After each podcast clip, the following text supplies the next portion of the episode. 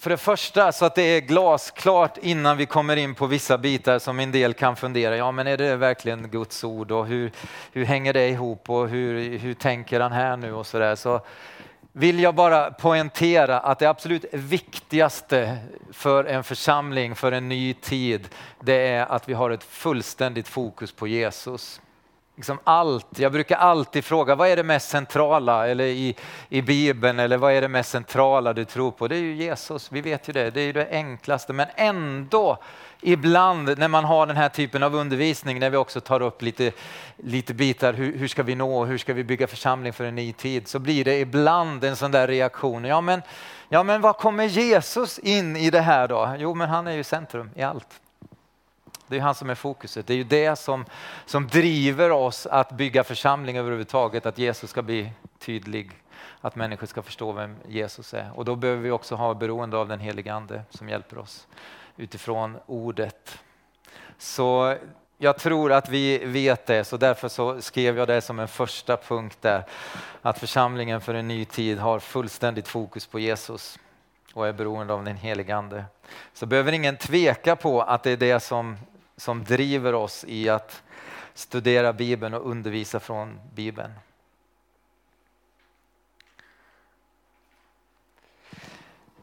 Som sagt, det här är ju ett ämne som, som på något sätt kanske alltid har utmanat mig. Alltså hur bygger man en församling så att vi når längre än oss själva?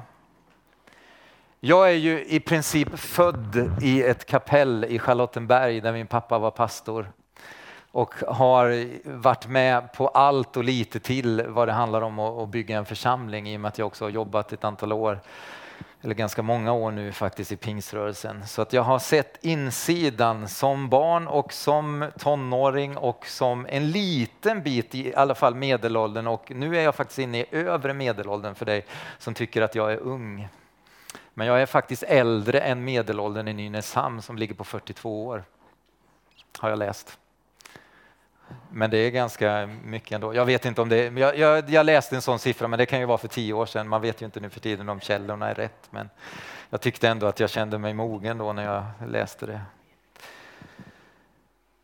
Jag är oerhört tacksam för den uppväxt som jag har fått, för jag tror att, att den grunden som jag har fått för mina föräldrar har lagt en väldigt bra grund i mitt liv.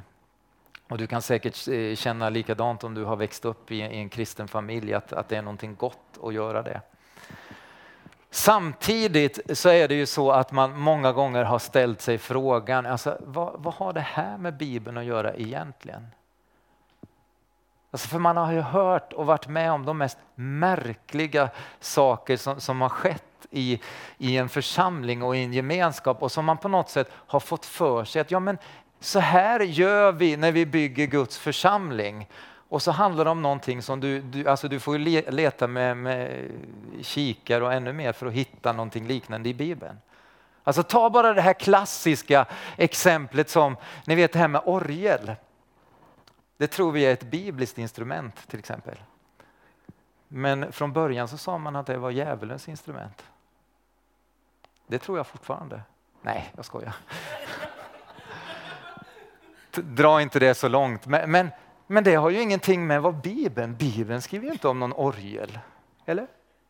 Och så har vi nästan det, jag vet, jag vet liksom församlingsmöten man har varit med om där man, där, där man nästan, nästan, nu måste vi ta en insamling. Jag är beredd att ge 300 000 för en ny orgel.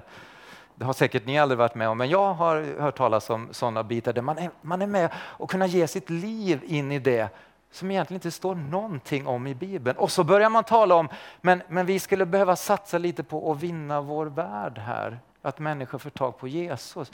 Ja, men jag kan ge en tia. Och då börjar jag tänka, men hallå, vad, vad handlar det om att bygga församling? Jag vill bara utmana lite, ja det här finns inte med i mitt utkast, men, så det här kan ni slänga direkt. Men, men, men, men sådana här saker ibland har, har utmanat mig ganska mycket. Va, vad handlar det om? Och bygga församling. Och vad är en församling för en ny tid? Jag tror oerhört mycket på, som jag har sagt ganska mycket, ni som har varit med tidigare här, på en församling som verkligen vågar vara sårbar, ödmjuk, formbar och att betjäna staden med Jesus på något sätt får vara i centrum. Vet du om att församlingen för en ny tid, det är den enda förening som inte är till för medlemmarna. För det säger Bibeln så tydligt. Jesus var så fokuserad så han sa till och med, ja men ni 99 som har det bra här, ni sjunger härliga sånger, ni har härliga bönemöten, ni har fantastiska gudstjänster. Nu lämnar jag er lite här för att det finns någon här borta som ännu inte har fått tag på mig, för ni klarar ju er. Men det gör inte han eller hon. Ibland så ligger fokus mer här. Ja, men vi då? Ja, men och så säger Jesus någonting. Det utmanar mig.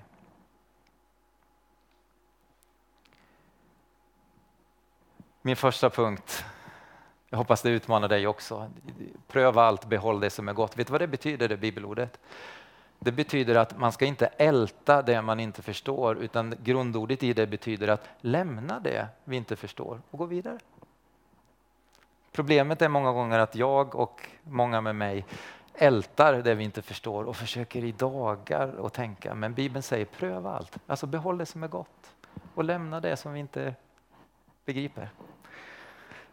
Så får du gärna göra, men du får gärna älta också. Det, det, kan, det gör man ju åtminstone på nätterna när man inte kan sova. Jag vill börja i en punkt som jag känner otroligt viktigt och som också kanske präglat mig utifrån det som jag också delade här utifrån min egen uppväxt. Församlingen för en ny tid har fokus på nästa generation. Att man är så mån om att ge det vidare, det man har fått. Så här står det i psalm 78, 3-4. Jag tycker det belyser så bra hur Gud vill att vi ska liksom tänka och fundera eller liksom leva ut livet med Gud. Vad vi har hört och lärt känna vad våra fäder berättat för oss vill vi inte dölja för deras barn. För det kommande släktet förkunnar vi Herrens lov, hans makt och de under han har gjort. När jag läser det här så säger det mig någonting väldigt tydligt om hur ska jag få den yngre generationen, eller det är kanske inte alltid yngre, den som ännu inte har fått tag på Jesus. Det behöver inte bara handla om ålder utan hur länge man faktiskt har vandrat med Jesus och förstå vem Jesus är. Lägg märke till hur det står här. Hur gör vi? Nu gör du så här, nu beter du dig så här. Varför följer du inte mig? Varför gör du? Nej, så förkunnar vi Herrens lov.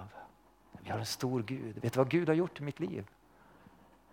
Vet du att han frälste mig? Eller vi gick igenom det här. Eller jag minns så väl när mina föräldrar berättade om hur, hur de övernaturligt fick hjälp ekonomiskt när man nästan inte fick någon lön som pastor Eh, på, i början på 70-talet. För man skulle leva i tro. Men Gud var med, självklart. Men det var lite jobbigt kanske ibland för frun och barnen när man inte visste i slutet på månaden vad som hände. Men det, men det förkunnade någonting av Gud, Gud har gjort det här. Hans makt och de under han har gjort. Så får jag en yngre generation att följa och förstå. Inte, nu gör du som jag, följ mig här. Utan man blir ett exempel och berättar och visar också vad Gud har gjort. Den största kallelsen som man har i sitt liv, oberoende ålder och vem man är, är inte att bli pastor eller ledare, utan det är mamma eller pappa för egna eller andras barn. Det är nämligen så oerhört lätt och det är någonting jag brottas med hela tiden också så att det gäller nog oss alla. Att man är så upptagen med sin egen generation som inte Gud har tänkt först och främst. Men det händer någonting väldigt stort i en församling och i ens eget liv när man blir faktiskt mer upptagen av nästa generation. Det är någon som har sagt så här, vi vill ge det bästa vi har och ta det värsta själva. Så tror jag man bygger en församling för en ny tid. Jag ger det bästa jag har och tar det värsta själv. Det tror jag Bibeln kallar för att vara andliga fäder och mödrar. Jag märker ju så tydligt vart fokuset för mig och Ulrika är. När, speciellt kanske när barnen har lämnat hemmet. Jag är ju mer mån om att det går bra för dem än att det går bra för mig. Det är ju så. Och förhoppningsvis tänker vi på samma sätt när vi bygger en församling. Att vi är mer nöd och mer mån om att faktiskt bygga en församling mot framtiden. De som ännu kanske inte har fått tag på det som vi, som vi har fått tag på. Det är kanske de striderna jag hellre tar Ja, men hur ska vi få med de här? Ja, men jag vill ju sjunga det här eller jag vill göra det här. Men Guds hjärta utifrån det här bibelordet, utifrån massor av bibelord i Bibeln, som vi skulle, jag tog bara det här som exempel, är att han vill att vi ska vara andliga fäder och mödrar oberoende av ålder. För några år sedan så, så utmanade min dotter Victoria mig Eh, när hon bodde hemma och hon gick på gymnasiet och de skulle, ni vet man springer och man ska göra massa idrott och grejer som är, ja.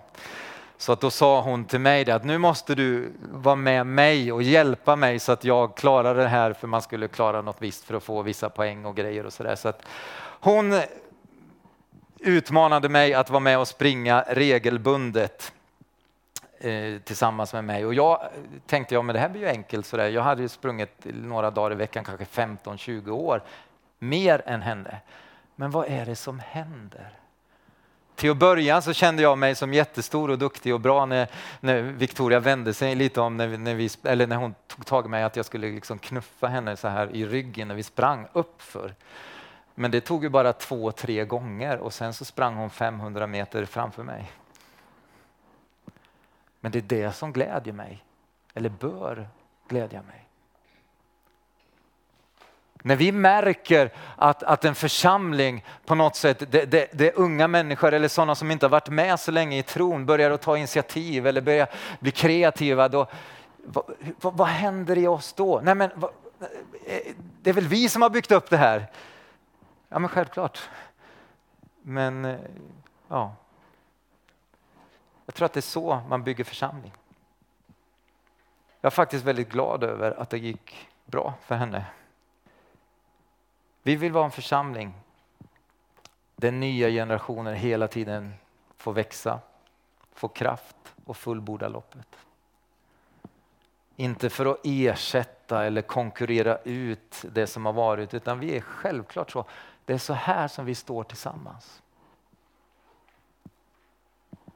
Vi är en församling där vi låter unga människor övning. Vad är det att övningsköra? det är ju egentligen att sitta jättenervös bredvid när någon annan tar över ratten, eller hur? Och det är precis så jag tror att Gud vill att vi ska bygga en församling. Okej, okay, det är dags att någon annan tar ratten. Kör.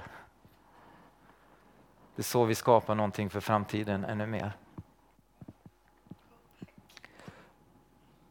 Det här utmanar mig ganska mycket. Vi bygger inte föräldrarnas församling så ska unga människor känna.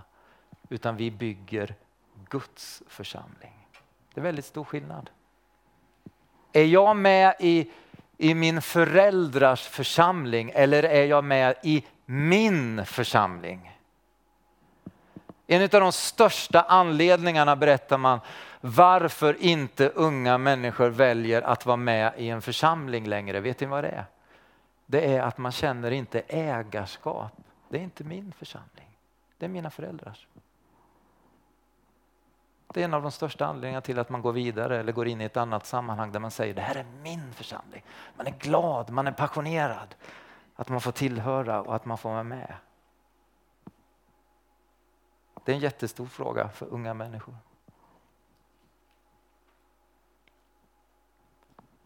För det finns en väldigt stor risk om inte man bygger församlingen på det sättet att att människor vill inte överlåta sig till någonting som man inte är med och inom citationssäker äger. Kan vara med och påverka, kan vara med och bygga, känna passion för.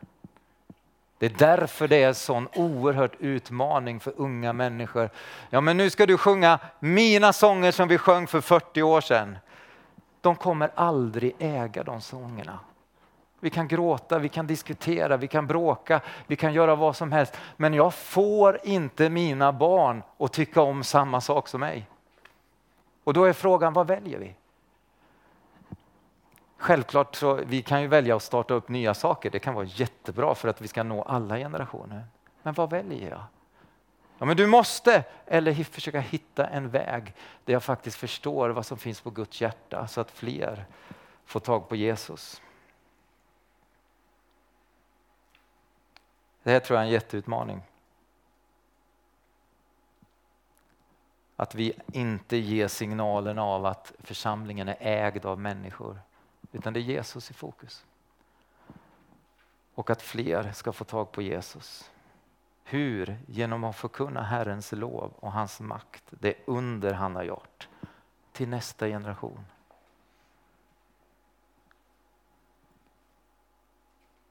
Så här står det första Korinthierbrevet 9. Ni ser att jag hinner med punkterna bra här va?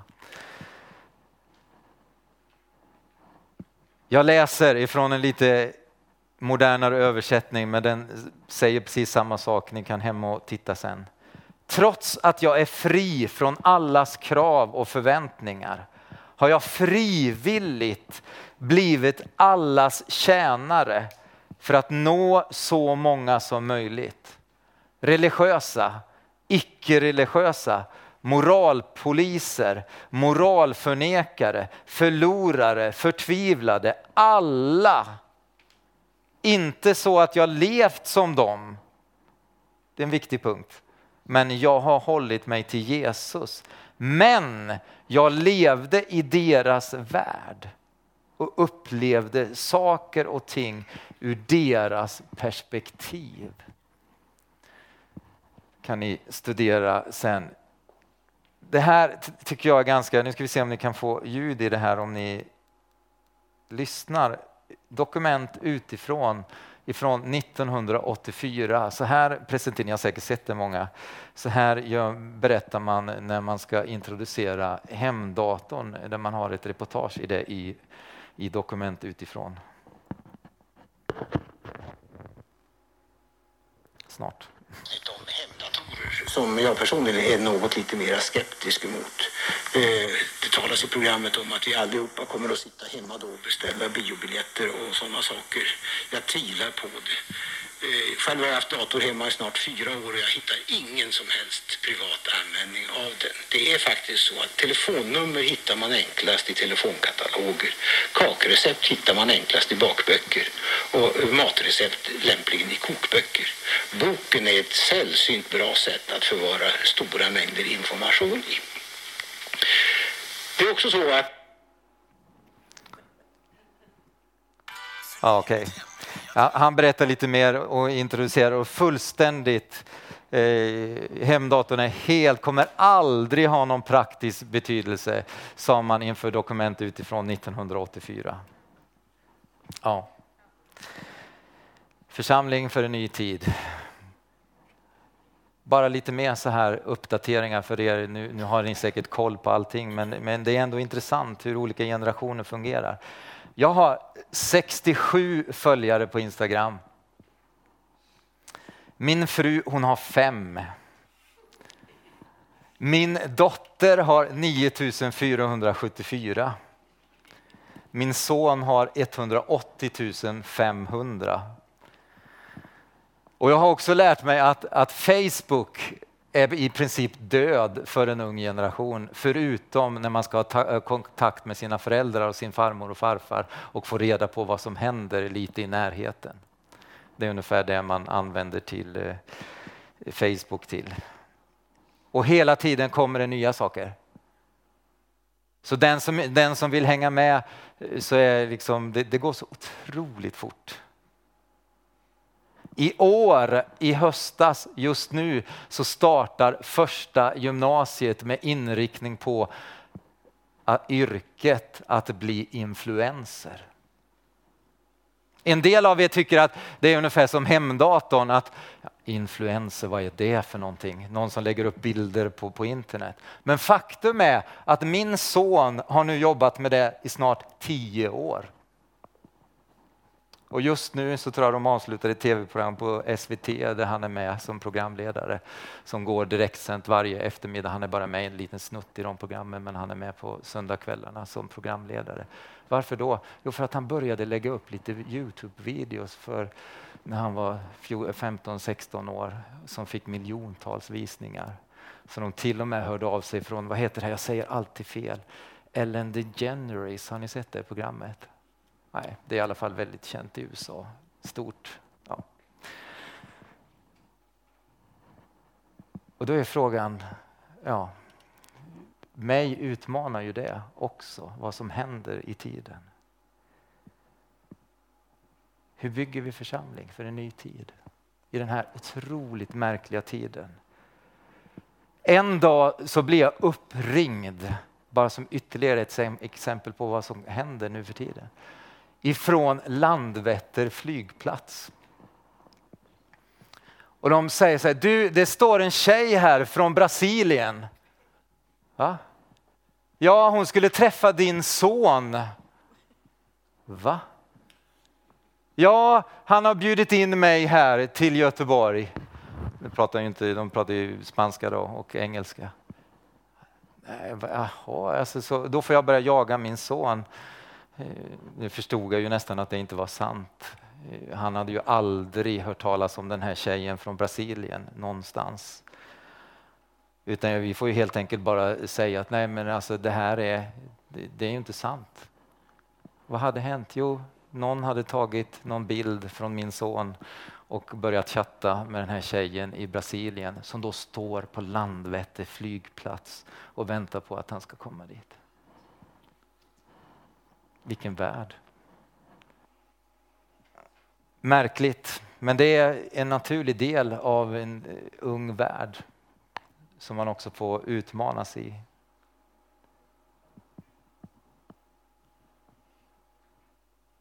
Vi lever i en otroligt global värld.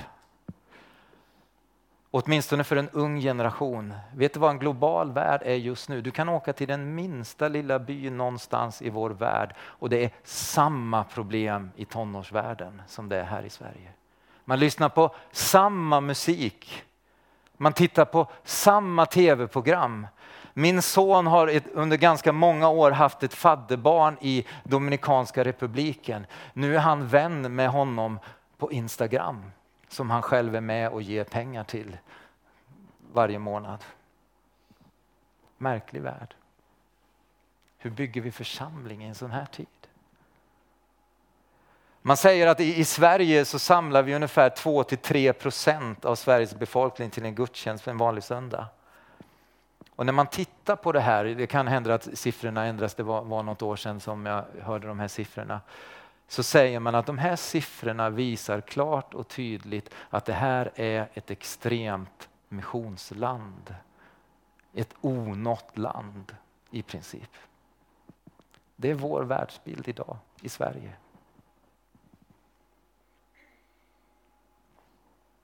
Och hur gör man, ni som är missionärer vet ju det, hur gör man, åtminstone när man hade lite missionskunskap och annat så berättar de, hur gör man för att nå ett ett land som faktiskt är ett missionsland? Jo, för det första, man anstränger sig, går kurser, går utbildningar för att förstå kulturen. Ja, precis. Annars kan du inte nå dem. Ibland har vi i kyrkan inte haft intresse för det. Ja, men vad ska vi bry oss? Vi har ju vårt. Ja, vad händer då? Jo, vi skapar avstånd. Vi kommer aldrig nå. På samma sätt så tror jag att vi måste bli ännu mer avslappnade till den värld som vi faktiskt lever i. Där vi måste utmana oss och förstå språket, kulturen, bygga goda relationer, göra ännu mer sociala insatser. Och framförallt så åker man inte till ett missionsland med plakat och är arg på att de inte tror på Jesus.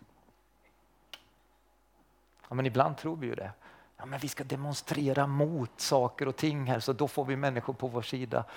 Det kan hända att vi ska vara emot, självklart, eller reagera på olika saker, men man vinner inte människor i ett missionsland om man skäller på dem. Utan man presenterar Jesus tydligare med relationer. Vet Jesus, han var känd för sitt hjärta, inte först och främst att han var en väktare på muren. Det är en ganska viktig utmaning. Han var fylld av så mycket kärlek. Vet jag skulle inte nå de här klienterna som jag möter varje dag om jag skulle börja med att skälla på dem vad de har gjort. Men däremot så märker jag att jag når dem när jag försöker möta med kärlek. Jag tycker det är fascinerande. Jag, jag, kom till matsalen idag och så kommer en av, jag vet inte, någon pedagog eller som har något program eller någonting och så sa hon så här. Du, jag, jag frågade en av klienterna så här, har, har, har det hänt något positivt sista veckan eller någonting? Så, nej, ingenting. Nej, det är bara, ja, du vet hur de här kan uttrycka sig. Jo förresten, jag har träffat pastorn. Härligt att höra. Men jag tror att det handlar lika mycket om att att människor kan känna så när de träffar dig. Jag träffade henne som trodde på Jesus. En jätteutmaning för oss att kanske bli ännu mer relevanta. Ännu mer av givmildhet och medkänsla. Jag tror på en församling för en ny tid där det finns plats för allas gåvor. Det är också en av anledningarna till att man faktiskt överlåter sig till en församling för en ny tid. Att man får ge utlopp för det som faktiskt Gud har lagt ner i ens liv. Ni vet, Bibeln börjar ju med, jag, jag har ju knappt börjat på inledningen men det är tur att vi har två pass här så hinner jag med det jag hinner med. Bibeln, vad börjar den med?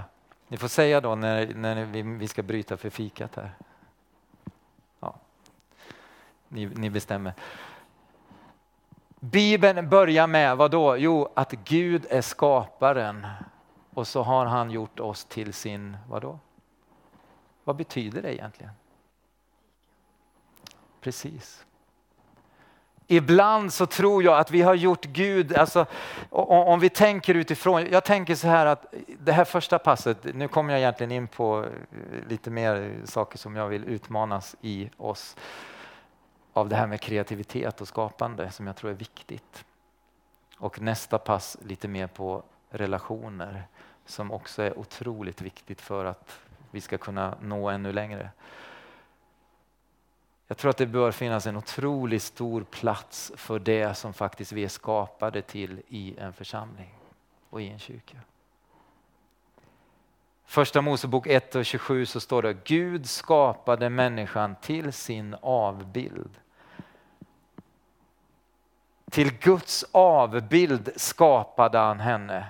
Till man och kvinna skapade han dem. Gud välsignade dem och sa till dem, var fruktsamma, förök er, uppfyll jorden, lägg den under er, råd över fiskarna i havet, över fåglarna under himlen och över alla djur som rör sig på jorden. Jag kommer ihåg hur oerhört jobbigt jag tyckte det var att växa upp i yngre tonåren nästan faktiskt. På grund av att vi hade bara svartvit tv när jag var ung. För min pappa var ju, han var ju andlig ledare. Det var ju inte bra att ha svart, eller färg-tv då. Ja, det är sant. Ja, ni ser. Så när mina vänner kom hem till mig, för det första så tyckte jag det var pinsamt att de skulle komma hem till oss för att vi hade svartvit tv. Vi kunde ju bli avslöjade. Vet ni vad? Familjen Wik, de har svartvit tv. Vi var de enda som hade det. Faktiskt, vad jag, vad jag visste. Vet du vad? Jag tror att Gud han har mycket mer än svartvit tv. Han har färg och alla möjliga varianter. Låt oss inte begränsa den kreativitet, de färgerna, det som Gud faktiskt har lagt ner när han har gjort oss till sin avbild.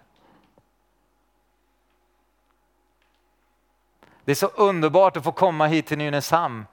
Jag vet att det här, det är liksom ibland, så, ibland så kritiserar man ju sånt här med ljud och ljus och grejer, men jag tror att, eh, som säkerligen de undervisar här också, grabbarna, om att, att det finns andliga gåvor i det. Tänk att få höra att ryktet om, om församlingen i Nynäshamn, som jag hört av någon av ledarna, alltså helt seriöst glad och passionerad som sa det. Jag har förstått att ni har en tydlig vision i er församling, att, att ni ska bli fler medlemmar än moving heads. Det är bra. Men vet du vad? Det signalerar någonting. När unga människor till exempel kommer in här så tittar man, jaha, det här är en församling som tror på det de gör. Kanske lite väl mycket. Och det är bra. Ibland så känner vi, nej men så här kan vi inte hålla på. Vad är det för signaler vi sänder ut? Jag tror att vi sänder ut precis rätt signaler för den värld vi lever i. Att vi tror på det. Sen skulle vi behöva kanske fräscha till toaletter och annat och sånt där också så att det blir lite mer 2018. Men det är en annan sak. Det gör vi hemma men inte i församlingen kanske. Förresten, tack och lov, igår klockan 10 så skrev vi på kontrakt för Utsikten så nu får vi flytta dit så välkomna någon gång i november. Så adventsfika kanske vi hinner att få klart till. Härligt att på riktigt få bo här. Vad sa Paulus? Jag blir frivilligt allas tjänare för att nå så många som möjligt. Jag försöker att liksom nå in på allt sätt för att nå alla. Använda allt jag bara kan för att Jesus ska bli tydlig.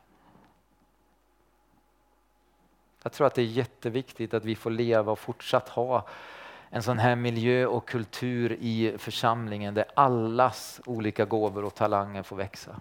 För vi är skapade till Guds avbild. Församlingen, enligt Bibeln som jag ser det, borde egentligen vara platsen där kreativitet och skapande fullständigt exploderar. Varför då? För att Gud är skapare. Ibland har jag i min uppväxt mött det precis tvärtom. Nej, du, det, där, det där håller du på, nu måste du offra det som du älskar mest för att kunna tjäna Gud. Var står det i Bibeln?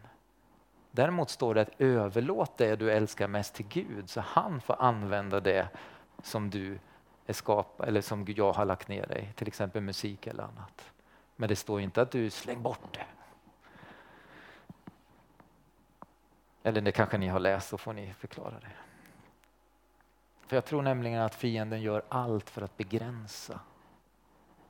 Och du vet, det är ingen som mår bra av det. När man är skapad till Guds avbild. Till och med det som vi tycker, eller som jag själv predikade emot, innan, eh, speciellt innan mina barn kastades in i den branschen, till exempel av mode. I Italien så säger man att mode med kläder, det är en konstform, precis som att måla tavlor. Någonting kreativt. Det kanske vi har svårt att ta in. Jag har det lite fortfarande, men, men det kanske ligger någonting i det. Sidospår, men, men ett spår. Första Mosebok 2.7 så står det Herren Gud formade människan av vad då?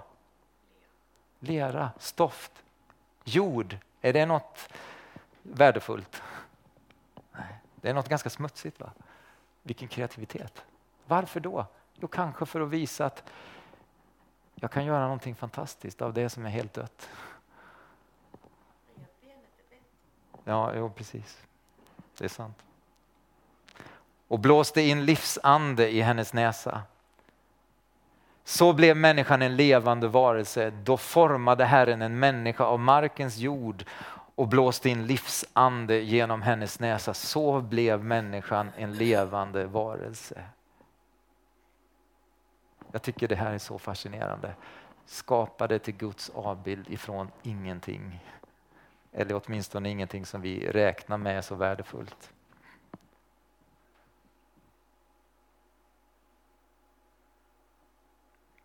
Det står faktiskt i Jobb 38, 4-7. Vad, vad är det som händer? Det är, jag tycker det är en sån intressant parentes som man inte alltid lägger... Hur gjorde Gud? Vad var liksom atmosfären runt omkring när han skapade?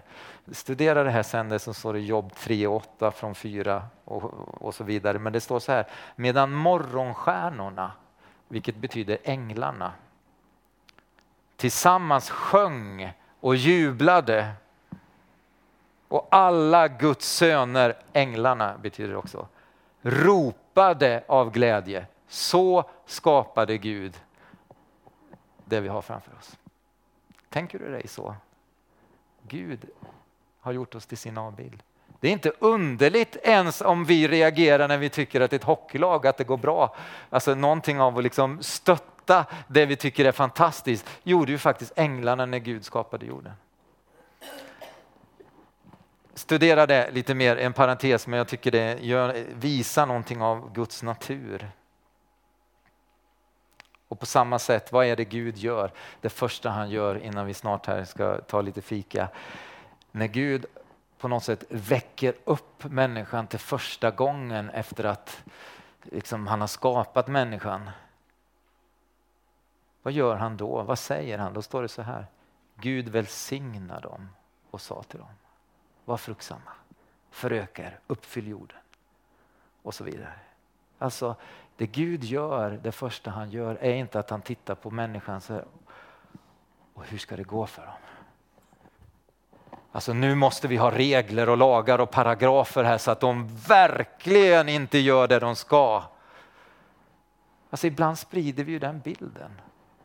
Alltså vad är det människor som vi säger tänker på när de tänker på församlingen i Nynäshamn eller tänker på dig som kristen eller tänker på oss som kristna överhuvudtaget. Ja men det är de som säger så här eller tycker så här. Eller är det det här Bibeln visar? Men vad gjorde Gud? Jag välsignar dig. Jag lägger mitt liv i dig. Jag lyfter dig, jag uppmuntrar dig, jag, jag skapar någonting gott. Inte ett ljud om vad de då i, i det läget, det första, liksom vad, vad de skulle sköta sig och, och så det vidare på det sättet.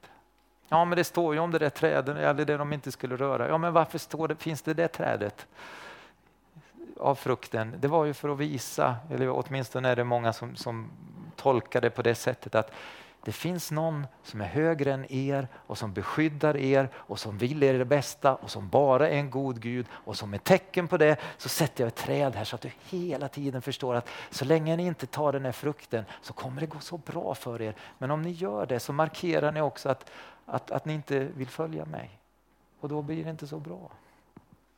Det var ju egentligen inget ont eller konstigt utan det var ju faktiskt någonting väldigt, väldigt beskyddande positivt att de faktiskt kunde förstå att det finns någon som är högre. Men ni har ju massor här ni kan äta och ni kan bada i de här källorna och ni kan ja, ha fokus på det. För Gud skapade oss för att vi skulle reflektera hans härlighet och välsignelse. Allt det goda från honom. Hinner vi något mer eller ska vi, jag tar någon punkt till, ni sover inte riktigt än, snart sover ni ännu mer sen. Församlingen för en ny tid har fokus på insidan men inser att designen är viktig för att nå längre. Varför har vi reklam i tv? Precis. Varför ser det ut som det gör? Vi vet som kristna att Gud har lagt ner en skatt i oss, det säger Bibeln. Vi vet att det är insidan som är det viktigaste. Men hur får vi människor att se insidan om designen inte drar ditåt? Jag vet inte. Jag tror att ibland har vi gjort ett tankefel där vi känner att ja, vi kan göra precis hur vi vill med utsidan och yttre formerna och allting och så här. Och, liksom, och det är klart vi kan för vi tror ju på Gud och genombrott och den helige Ande, absolut. Men vi tror ju också på det bibelordet där det står att vi har gjort allt. Allt vi kan för att människan ska ha tag på insidan, ska förstå skatten. Därför så tror jag också när vi ser Bibeln att det är viktigt att vi faktiskt gör allt vi kan så att också ytan eller liksom designen får dra till innehållet. Men denna skatt har vi i lerkärl för att den väldiga kraften ska vara Guds och inte komma från oss.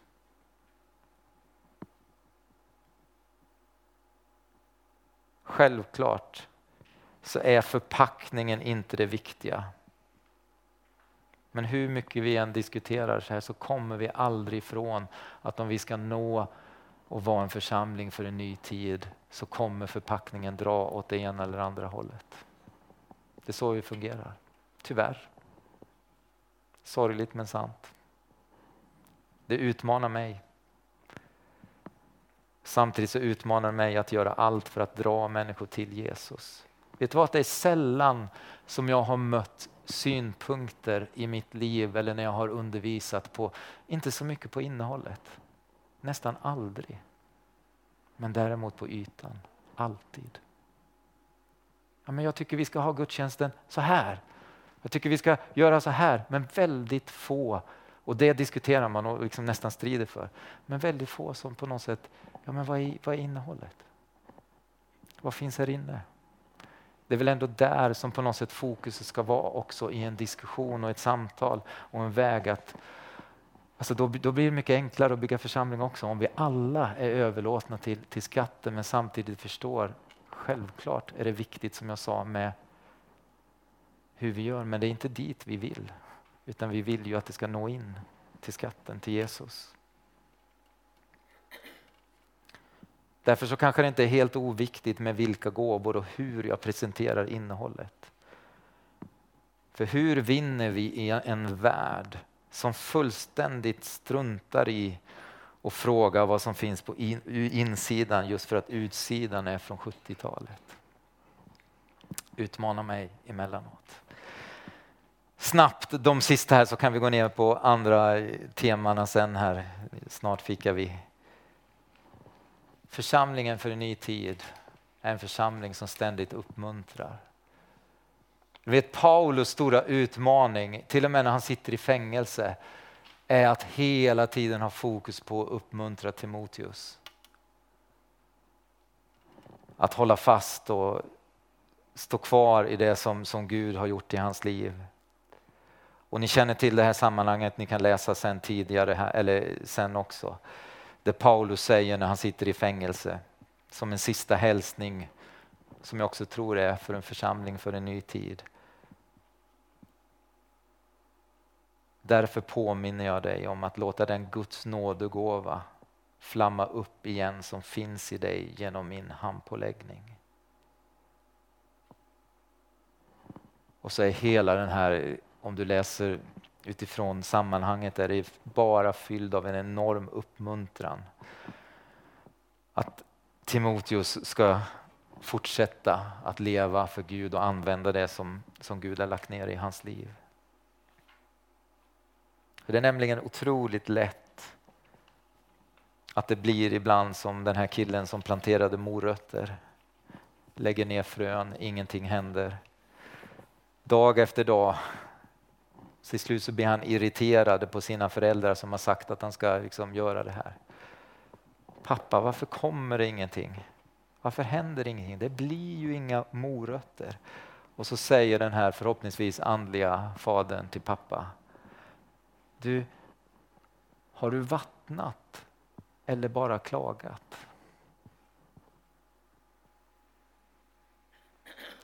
Precis. Församlingen för en ny tid vattnar istället för att klaga. Då växer någonting.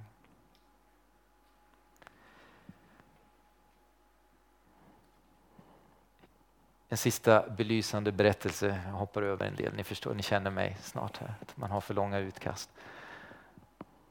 Jag hörde om en grupp, jag kanske har berättat det här, men jag tycker det är så fascinerande utifrån inställningen som jag tror att du och jag är kallade till att ha för att faktiskt få se en församling för en ny tid. Jag hörde om en grupp katolska nunnor som reste runt i en buss på en väldigt lång resa i USA under en månads tid. Så kommer man till olika platser och för varje plats som man stannade så var det en av de här nunnorna som tog ett steg speciellt ut ur bussen, gick en steg bort och så tog den här nunnan upp en sten, flyttade på den och så gick in igen. Och ibland var det en jättestor sten som man bara flyttade en bit och gick in i bussen igen. På varenda plats.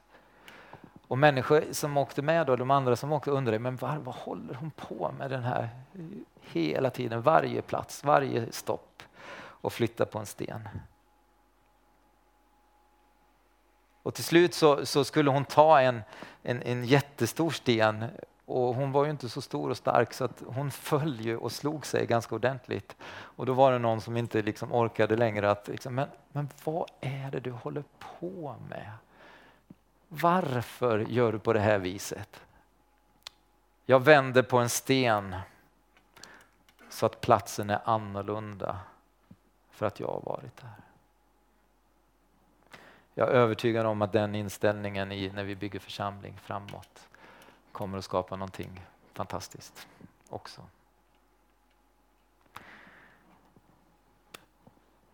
Ska vi be en bön och så ska vi gå ner och fika innan vi fortsätter en stund till sen. Här. Jag tackar dig Jesus för att du är en god Gud som älskar oss Herre. Hjälp oss att, att formas till att få bygga en församling för en ny tid. Och du ser kanske saker och ting jag borde ha belyst ännu mer här också, men tack för att du är en Gud som, som kan bara skapa någonting i oss där vi kan få ta steg framåt för att bygga den församling och den gemenskap som du vill. I Jesu namn. Amen.